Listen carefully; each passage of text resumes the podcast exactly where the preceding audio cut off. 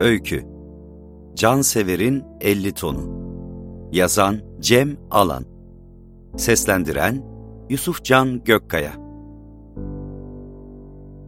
14. yaşımın tam ortasında belirsizliğin göbeğindeyim. Ne istediğimi zerre kadar bilmiyor, dünyaya şans eseri gelmiş olmamın hakkını sonuna kadar veriyor, amaçsız yaşıyordum. Amerikan umursamazlığı ve Türk arabeskliğinin müthiş uyumsuzluğunu şizofrenik sancılar içinde sentezlemiştim. Rockstar olacağını sanmanın kıskacındaki koca boşlukta iten 90'lar kayıp kuşağının en ateşli zamanlarıydı. Saçımı jöleyle dikip dışarı çıktığım, yavşaklıkta Mehmet Ali Erbil'i örnek aldığım kavurucu Temmuz gününden sokağa yandan gülümsemeli bir merhaba sallayıp bisikletime atladım. O döküntü bir sanda kendimi Harley süren Arnold kadar havalı hissediyordum. Salak olduğumun farkına varmam için daha bir 6-7 sene var. Çocukluğumun uzatmaları oynanırken adına ergenlik denen büyük hormon çarpıştırıcısına yavaştan adım atmaya başladığımı daha idrak edemiyordum. Ama bir kıpırtı vardı. Epeyce yaklaşmıştım. Duyuyordum, anlatamıyordum. Fenerbahçe şapkamı ters çevirip hızlandım. Bayır çıkmak çok zorladığından hep bayır aşağı olsun istiyordum. Hayatta hiçbir zorluktan hoşlanmayacağım o zamandan belliydi. Aşağı mahalleye sürdüm bisikleti. Orada aşık olduğum iki kız vardı.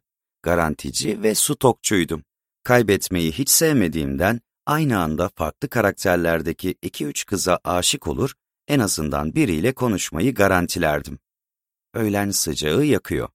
Kertenkeleler bile kafalarını kaldırımlardaki çatlaktan çıkarmıyorlardı.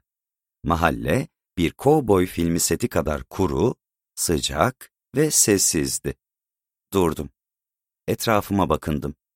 Gerçekten insan hayatını tehdit edecek bir sıcaklık vardı. Aşık olduğum kızları, anneleri daha dışarı salmamıştı. Şimdi evlerinde karpuz yiyip Kanal D çocuk kulübü izliyorlardır diye düşündüm. Benim annem de izin vermemişti cehennemde dolaşmama ama Eraylara gideceğim, annesi kek yapmış diye yalan söylemiştim. Dafidaklı kol saatime baktım. 12'ye 20 var. Hakikaten erken çıkmışım. Aşklarım belki de daha uyuyordu. Eve geri dönsem bir daha çıkamazdım. Eraylarda kek yiyip limonata içmem gerekiyor şu an ama onların bundan haberi yok. Canım sıkılmıştı. İkircikli durumları hiç sevmezdim. Mesela bir kanalda Herkül, birinde Zeyna olsa tercih yapmak yerine oturup ağlardım. Cebimden 51 onumu çıkardım. Kime mesaj atıp dışarı çağırsam diye düşündüm ama rehberde sadece babam, dayım ve anneannem vardı. Arkadaşlarımın çoğunun henüz telefonu yoktu. Keder içinde cebime geri soktum. Lan Bahadır diye umutsuzluk sislerini dağıtan, bu sıkıcı günüme güneş gibi doğan tanıdık sese heyecan içinde döndüm. Pit Seyit. Görmek isteyeceğim son arkadaşımdı. Aslında arkadaşım da değildi ama o bizi öyle sanıyordu. Bacağı yerine belinin gireceği genişlikteki şortu ve leke içindeki sararmış tişörtüyle sırıtarak bana doğru geliyor. Gözleri her zamanki gibi çapaklıydı. Yüzünü yıkamayı sevmiyor Seyit. Bu cehennemde ancak kafasız Seyit'e rastlanırdı. Versene bir tur dedi. Sırıtışı gitgide artarken selam vermez, hal hatır sormazdı. O an ona ne gerekliyse onu söylerdi. Rastladığı insanda o an ne varsa ona ihtiyaç duyuyordu. Fakir de değildi. Bilgisayar bir tek onlarda vardı mahallede. Huyu böyleydi piç Seyit'in. Al dedim isteksizce. Çok gezme şurada oturuyorum diye ekledim. Parmağımla gölge kaldırımı gösterip. Gittim, oturdum. Pati çekip toz atarak kalktı. Lastiklerimi aşındırıyordu. Kendi bisikletini böyle hor kullanmıyor. Dönüşte de kaydıracaktı, biliyorum. İki dakikaya geldi. Şimşek gibi döndü virajdan. Birden asıldı arka frene. İki metre kaydı fırın gibi asfaltta. Gitti lastiğim. İndi. Bisikleti ayaklığa emanet edip yanıma oturdu. Cebinden çekirdek çıkardı. Elimi açtım, yarısını döktü. Ter içinde kalmışlardı. Sol parmağını burnuna soktu. Yüzünde sanki parmağında ahtapot kolu gibi tat alma duyusu varmışçasına bir heyecan vardı. Bir süre burnunun pürüzlü, taraklı, tuzlu duvarlarını keşfetti. Uygar abi Melis'e tüvermiş dedi. Ağzından çekirdekleri tükürerek. Canım sıkılmıştı. Dövecektim bu çocuğu ama boyu uzun. Melis, aşık olduğum kızlardan biriydi. Saçma sapan konuşma, Melis yapmaz öyle bir şey. Mal mısın Seyit sen? Uygar abi zaten onu elliyordu oğlum, görmüşler. Dün de kazan dairesinde kaymış, deyip suratıma baktı. Kendinden emindi. Melis'le ilgili hala kötü konuşuyordu. Lan okul kapalı Apço, yaz tatilindeyiz. Nasıl kazan dairesine girecekler dedim. Yalan olduğunu biliyordum ama gene de müthiş içim sıkılıyordu. Uygar abi orta sondan sonra okula gitmemişti. Lise çağındaydı ama çeşitli işlerde çalışan bir erken büyüyendi. Şimdi bir gazete bayisinde çalışıyor, her seferinde dayanamayıp porno dergilerin siyah poşetini yırtıp okuduğu için de patronundan düzenli olarak dayak yiyordu. Tahsin abinin oğlu lan adam, kazan dairesinin anahtarı var evlerinde dedi. Tahsin abi okulun temizlik işçisiydi. Mantıklı konuşmuştu Seyit. Gerçek olabilirdi. Ağzına bir iki çekirdek daha attı. Dün öğlenliğin ikide Melis'i buraya getirip si... derken iki elimle yakasına yapıştım. Seyit seni çok pis döverim dedim. Saniyeler süren bir sessizlik oldu. Kararlılığımdan çekinmişti. Çapaklı kirpiklerini titreterek yüzüme baktı. Küfürlü de konuşma yanımda bir daha tamam mı dedim. O küfredip pis konuştukça annem beni görüyormuş da nasıl böyle kötü bir arkadaşım var diye üzülüyormuş gibi hissedip suçluluk duyuyordum. Tamam dedi. Buz parmak alalım mı? Tereddütsüz alalım dedim. Kalktık. Yaşanan tatsızlığı anında unutmuştuk. 25 kuruşa buz parmakları aldık. Bir yandan yalayıp ağır ağır tevekkel gibi yürüyorduk. 75 kuruşum daha vardı. Kalan paramla akşamüstü cips alırım diye geçirdim içimden. Cipsleri bakkala çaktırmadan seri parmak darbeleriyle kıra kıra içinde tası olanını bulup öyle alacaktım. Saat hala erkendi ve diğer günlerden çok daha sıcaktı bugün. Günü akşamüstüne kadar Seyit'le geçirmeye karar verdim. Zillere basıp kaçar ya da erik, vişne, çağla ağaçlarına dalardık muhtemelen. Belki de bunlara ek olarak bulvar gazetesi alır, okul bahçesinde osuruk otlarının yanına çöküp bizim için uzay boşluğu gibi bilinmez ve sonsuz bir karanlık olan cinselliğimize merhaba deyip çıplak kadınlara bakardık. Bilmiyordum. Seyit'le bunlar yapılabilirdi. Onunla bilim kurgusal hayaller kuramaz, çizgi romanlarla ilgili konuşamaz, zombilerden, canavarlardan bahsedemezdim. Hayal dünyası namına ufak bir kırıntı dahi taşımayan garip bir çocuktu çünkü. Bazen onun insan kılığında aramıza sızmış bir uzaylı olduğunu düşünüyorum. Doğamıza çok uzak bir galaksiden geldiği için bir çocuğu ancak bu kadar taklit edebiliyordu. Acemi bir oyuncu gibi. Onun yanında rol yapmıyordum. Evde nasılsam öyleydim. Ama akşamüstü buluşacağım tayfanın yanında kibar, havalı bir çocuk olmaya gayret ediyor, filmlerden gördüğüm adamların mimiklerini taklit etmeye çalışıyordum. Bir elimizle dondurmaları tutarken, diğeriyle elinden tuttuğumuz çocuğumuzmuş gibi ortamıza aldığımız bisikletimi sürüyorduk. Buz parmak bitmeye yakın. Ayten teyzelerin bahçeye dalalım mı? Çağlaları çok güzel dedim. Git tuz getir evden. Evde tuz yok dedi. Nasıl yok oğlum? Evde tuz olmaz mı dedim. Yalan söylediğini biliyordum. Seyit yalan söylemeyi severdi. Fakat yaşamı gibi yalanları da amaçsızdı. Yüzüme baktı. Tuzumuz yok. Babaannem hepsini yedi dün. Dondurma çubuğunu attı. Güneşten kısılmış gözü ve biçimsiz çenesiyle Temel Reis'e benziyordu. Babaannen neden tuz yiyor? Doktor öyle söyledi deyip tekrar önüne döndü. Üzerine kum yapışmış dondurma çubuğunu yerden tekrar alarak oynamaya başladı. Pislik yapıyordu. Yalanlarından kendi bile usanmıştı. Bir süre sustu. Çağla ağacına dalmak istemiyordu. Ne yapacağız dedim. Sıcaktan farımıştım. Denize tüverdin mi sen? Afalladım. Deniz, diğer aşık olduğum kızdı. En azından bu sefer kızı benle ilişkilendirmesi, Uygar abiyi falan karıştırmaması istemsizce hoşuma gitti. Ama böyle patavatsızca konuşmasından rahatsız oluyor, kendimi de pisliğin teki gibi hissediyordum. Virüs gibiydi çocuk. Ya bak böyle pis konuşursan bir daha senle dışarı çıkmam Seyit dedim. Bunun yeterli olmayacağını düşündüğümden döverim de seni diye ekledim. Bok döversin dedi. Oynadığı dondurma çubuğunu bırakıp bana baktı. Muhabbetimiz müthiş bir çıkmaz, kısırlık içindeydi. Bu arada denizle ilgili bir şey söylememiş, böyle sanması hoşuma gitmişti. Yapmışsınız, Hasancan anlattı. Biraz duraksayıp parçaları birleştirdim. Hasancan'la bir aydan beri fantezi kuruyorduk. Yazları sıkıcı ve sıcak, biz de heyecanlı ve meraklıydık. Mahallenin güzel kızlarıyla kendimizi bir fantezide buluşturuyor, erotik sahnelerde türlü senaryolar kurarak birbirimize anlatıyorduk. Pornografik cümleler kullanmıyor ya da küfür etmiyorduk. Filmlerdeki romantik sahneler gibiydiler daha çok. Yıllardır uzaya çıkmak, geleceğe gitmek, zombilerle savaşmak, dünyayı kurtarmak için kullandığımız hayal gücümüzü henüz bizim için yabancı olan ve acemi olduğumuz bir mecrada yokluyorduk. Hoşumuza gidiyor, garip geliyordu. Hasancan sana da mı anlattı? Yaptın mı ulan? diye bana döndü heyecanla. Uzaylılar dünyaya inmiş gibi bir şaşkınlık vardı yüzünde. Oğlum çok günah, cehenneme gideceksin haydi deyip bağırıp oynamaya başladı. İçi gitmişti. Bu yüzden bok atmak istiyor, uzanamadığı ciğeri mundarlıyordu. Öyle bir şey yok dedim. Fantezi kuruyoruz. Fantezi mi? Geçen sene okul bahçesinde dünyanın üstüne çıkıp uzay gemisinde olduğumuzu farz ederdik ya, öyle işte, hayal kuruyoruz. Bir yandan içimden bu çapsıza neden anlattı diye Hasancan'a kızıyordum.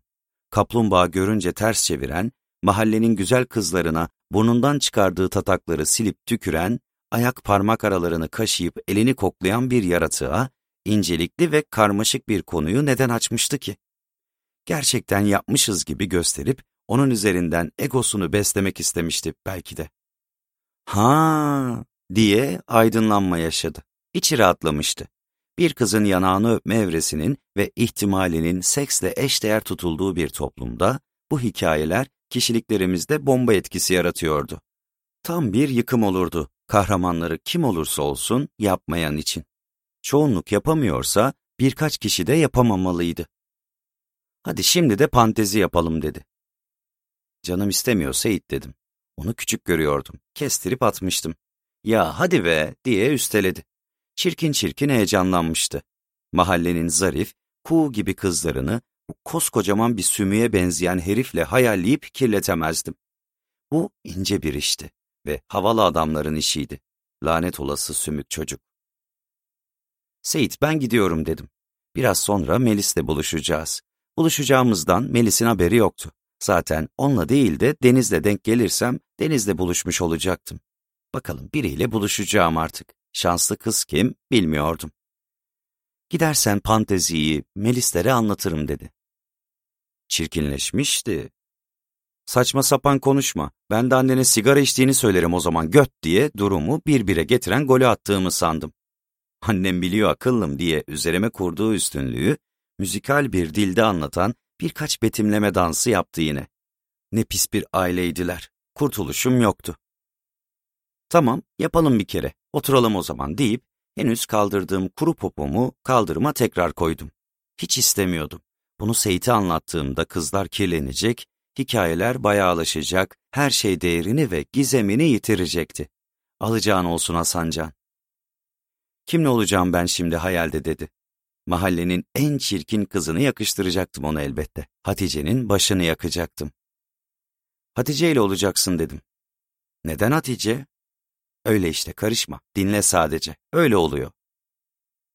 Denizde olam dedi. Sinirimi, sabrımı, hayat enerjimi sınayan bir makineye bağlanmıştım sanki. Onlarla ben oluyorum. Boşta olanlardan biriyle olmak zorundasın. Kural böyle Seyit. Diye bağırdım. Böyle bir kuralı yoktu. Çenesine bir yumruk mu atsam, hikaye mi anlatsam diye kontrpiyede kalmıştım. O zaman başka kim var boşta diye sordu. Hatice var işte, bir de Emel var. O kadar. İkisi de olur mu diye sordu. İkisini de beğenmediğinden böyle bir torpil istemişti. Halbuki iki yarım her zaman bir tam etmezdi. Cinsellik hakkında öğreneceğin çok şey var Seyit. olur dedim. Hava çok sıcak. Sizin bahçede sen, Hatice, Emel oynuyorsunuz. Bahçe ortumuyla birbirinizi ıslatıyorsunuz. Sonra sen tişörtünü çıkarıyorsun. Hatice ile Emel kol kaslarından etkileniyorlar. Hatice seni öpmek istiyor. Belinden tutup dudaklarından öpüyorsun. Sonra Emel'i de öpüyorsun. Bir süre ikisiyle de öpüştükten sonra evlerine gidiyorlar dedim. Anlamsızca yüzüme bakıyordu. Tüvermedim dedi. Ya ben sana böyle konuşma demiyor muyum köpek adam? diye bağırdım. Bizim hikayelerde öyle kelimeler falan kullanmıyoruz. Al porno dergi oku o zaman. Aslan büfede var, git al dedim.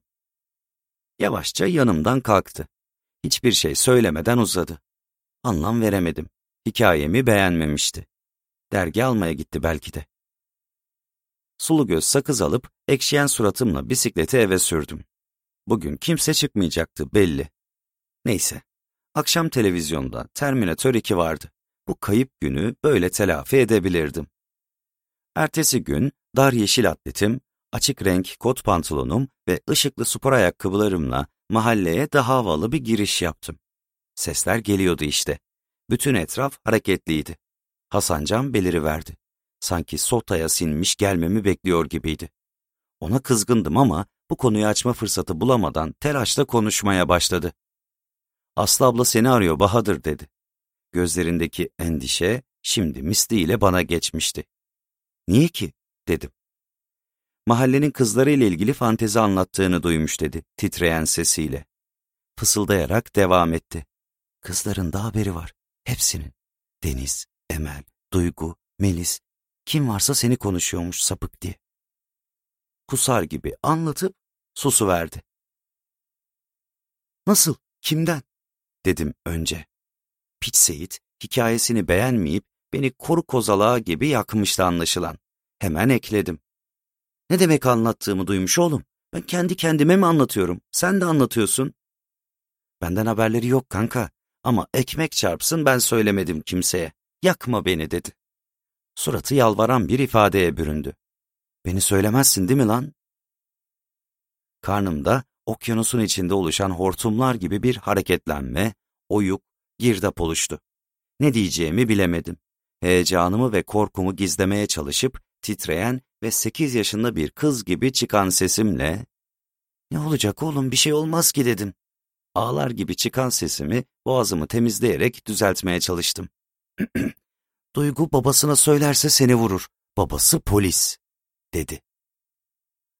O anda yüzlerimiz aynı anda yeşil, beyaz, mor gibi renklerle saniyeler içinde alaca bulaca bir hal aldı. Ya söylemez herhalde ama Aslı abla seni dövebilir kanka diye son sözünü söyleyip ruh gibi ırayıp gözden kayboldu. Mahallede tek başıma kalmıştım. Bu fantezinin kahramanı da, kötü adamı da bendim. Aslı abla 19-20 yaşlarında vardı. Liseden atılmıştı. Ondan herkes korkardı. Abla denmesi yanılgıya sebebiyet verebilirdi tanımayan için. Fakat nice abilerden, dayılardan daha cengaver, belalı bir delikanlıydı. Rating Hamdi'nin Yarmagül karakterini onu görüp de yazdığını düşünüyorduk. Erkek gibi giyiniyor, erkek gibi konuşuyor, elinde oltu taşından beyaz bir tesbih sallıyordu. Bununla da yetinmeyerek mahalli koruma görevini üstlenen de ta kendisiydi. Nice toy bitirimi tokatlarının müptelası etmiş bir hanım ağaydı. Ölümüne korkardık bu abladan. Ben hala abla olduğuna inanamıyor, her gördüğümde kot pantolon, erkek gömleği, yelek, tesbih kombinasyonlu, kalın sesli bu oluşumun aslında erkek olduğunu, bir yerlerde saklı bir pipisi olduğunu düşünüyordum. Abla, yanıltmaya yönelik bir lakap olmalıydı. Ayaklarımın ucuna basa basa mahalleden çıkış yoluna doğru kıvrıldım. Derken arkamdan o ses duyuldu. Oo, Bahadır Beyler mahallemize teşrif etmişler. Bize görünmeden kaçızlıyorlar. Bu Aslı ablaydı. Hiçbir şey yokmuş, her şey normal ve sıradanmış edasını suratıma takınıp, içimdeki tüm masumiyet ve sevimliliği son damlasına kadar yüzümde toplayarak, ''Aa, Aslı abla'' diyebildim. ''Gel bakalım Bahadır Efendi'' dedi. Tesbihini pervane gibi döndürüyordu. Kaçsam kaçardım. Aramızda 30-40 metre kadar vardı. Ama bu çok ezikçe bir davranış olurdu. Yıllardır Mel Gibson'ların, Kartal Tibetlerin, Arnold Schwarzenegger'lerin bayrağını taşıyarak yer edindiğim krallığımı bir daha kuramamak üzere yıkmış olurdum. Deniz ve Melis başta olmak üzere herkes sincap gibi mahallenin bir köşesine sinmiş bizi izliyordu. Kaçamazdım. Gerekirse paşa paşa dayak yenecekti bugün. Annem dedim umutsuzca. Denize gideceğiz diye beni çağırmıştı ama... Gidersiniz canım benim, acelesi yok dedi alaycı bir tavırla. diye özgüvensiz bir gülme efekti fırlayıverdi ağzımdan, istemsiz. Terlemiştim. Tamam madem Aslı abla diyerek ateşe uçan bir ateş böceği gibi tıpış tıpış kanuna yürüdüm.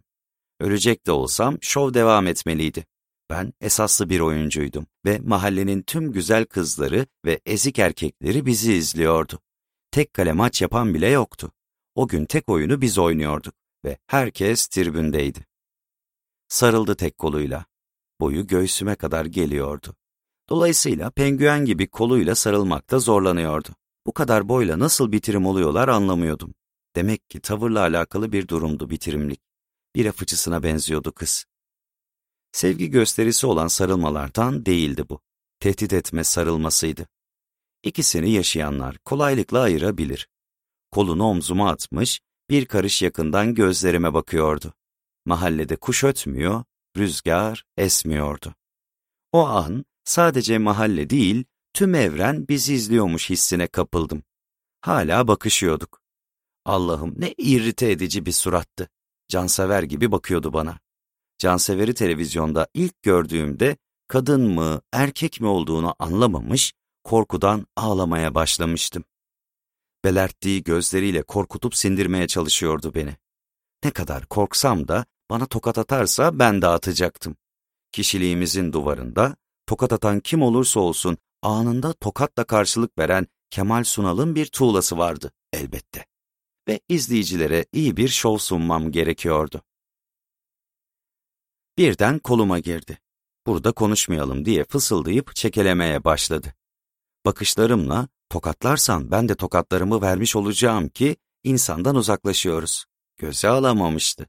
Ya da beni öyle bir dövecek, öyle bıkmadan sopalayacak ki kimse ayıramasın, karışamasın diye tuttu dağa götürüyor. Allah'ım ne olur ölümüne dayak yemeyeyim. Arkamızdan kimse gelmiyordu. Ben hep yalnız bir çocuktum zaten. Medeniyetten iyice uzaklaştığımıza emin olana kadar yürüdük. Mahallenin çıkışındaki osuruk otlarıyla dolu, hiçbir çocuğun gitmediği Paslı Çocuk Parkı'na gelmiştik. Post-apokaliptik filmlerdeki terk edilmiş çocuk parklarındandı. Direktifiyle salıncağa oturdum. Karşımda duruyordu. Sen dedi, burnunu çekti. Sapık mısın lan? Gözlerim doldu. Sağlam dayak yiyecektim. Hayır Aslı abla dedim. Mahallemizin kızlarıyla ilgili neler anlatıyormuşsun oğlum insanlara? Bir bir geldi kulağıma hepsi. Oyun gibi bir şey bu Aslı abla dedim. Parmaklarının arasında tesbih sallanan elini kaldırdı. Sol gözümü kısıp dişlerimi sıktım. Tokat gelirse ben de saldıracaktım. Ne oldu, oldu. Havadaki el ağır ağır yüzüme doğru indi. Yavaşça yanağımı sevdi. Anlam verememiştim. Ne tür bir manyaktı bu kadın? Sevip ondan sonra mı dövecekti? Nasıl bir durumun içindeydim? Beklediğim dayak bir türlü gelmiyordu. El bir süre yanağımı sevdi. Anlat bakalım bize de minik budayalın dedi. Şaşkındım. Nasıl, ne anlatayım diye anlamsızca baktım. Anlat bana da meşhur hikayelerinden birini, biz de dinleyelim dedi. Tehdit edici tavrı gitmişti. Yanımdaki salıncağa oturdu. Seninle ilgili mi olacak diye ürkekçe sordum. E, hadi öyle olsun bakalım dedi. O da çekiniyordu. Dayak yemeyeceğimi anlamıştım. O zamanlar lezbiyenlik işlerinden pek anlamadığından ve sonuç olarak pek benzemese de dişi bir birey olduğundan hikayedeki partnerini erkek yaptım. Uygar abi. Anlatırken yan gözle süzdüm. Mahallenin belalı ve yakışıklı çocuğuyla eşleşmekten şikayetçi görünmüyordu. Ara sıra dudak kenarından tıs diye gülüp Allah Allah, bak sen diye şaşkın, sahte tepkiler verdi. Belli etmemeye çalışsa da hikayemden hoşlanmıştı. Titanic filminde izlediğim birkaç sahneye Leonardo ve Kate yerine Uygar abi ve cansever Aslı'yı koydum. Sonlara doğru sigara yaktı. Uzattıkça uzattım. Bitti dedim. Son fırtına iyice derine çekti. İzmarit'i parkın dışına dek fırlattı. Filmci mi olacaksın başımıza lan dedi. Keyiflenmişti. Sevişme üstü sohbetleri gibi sesinde hoş bir yumuşaklık vardı. Yürü dedi, kalktık. Omzuma sarıldı. Bu kez artistik sarılması değil, sevgi sarılmasıydı. Kısacık boyu, T-Rex gibi kollarıyla zar zor sarılıyordu. Bugünü kimseye söylemeyeceksin dedi. Ara sıra buraya geleceğiz, bana bu hikayelerden anlatacaksın. Hafifçe gülümsedi. Ulan biri bizi şöyle görse sevgili sanır ha. Gülmesini arttırarak itici bir kahkaha kustu ağzından. Ehe diyebildim yine. Şimdi daha çok korkuyordum. Yaktın beni piç Seyit.''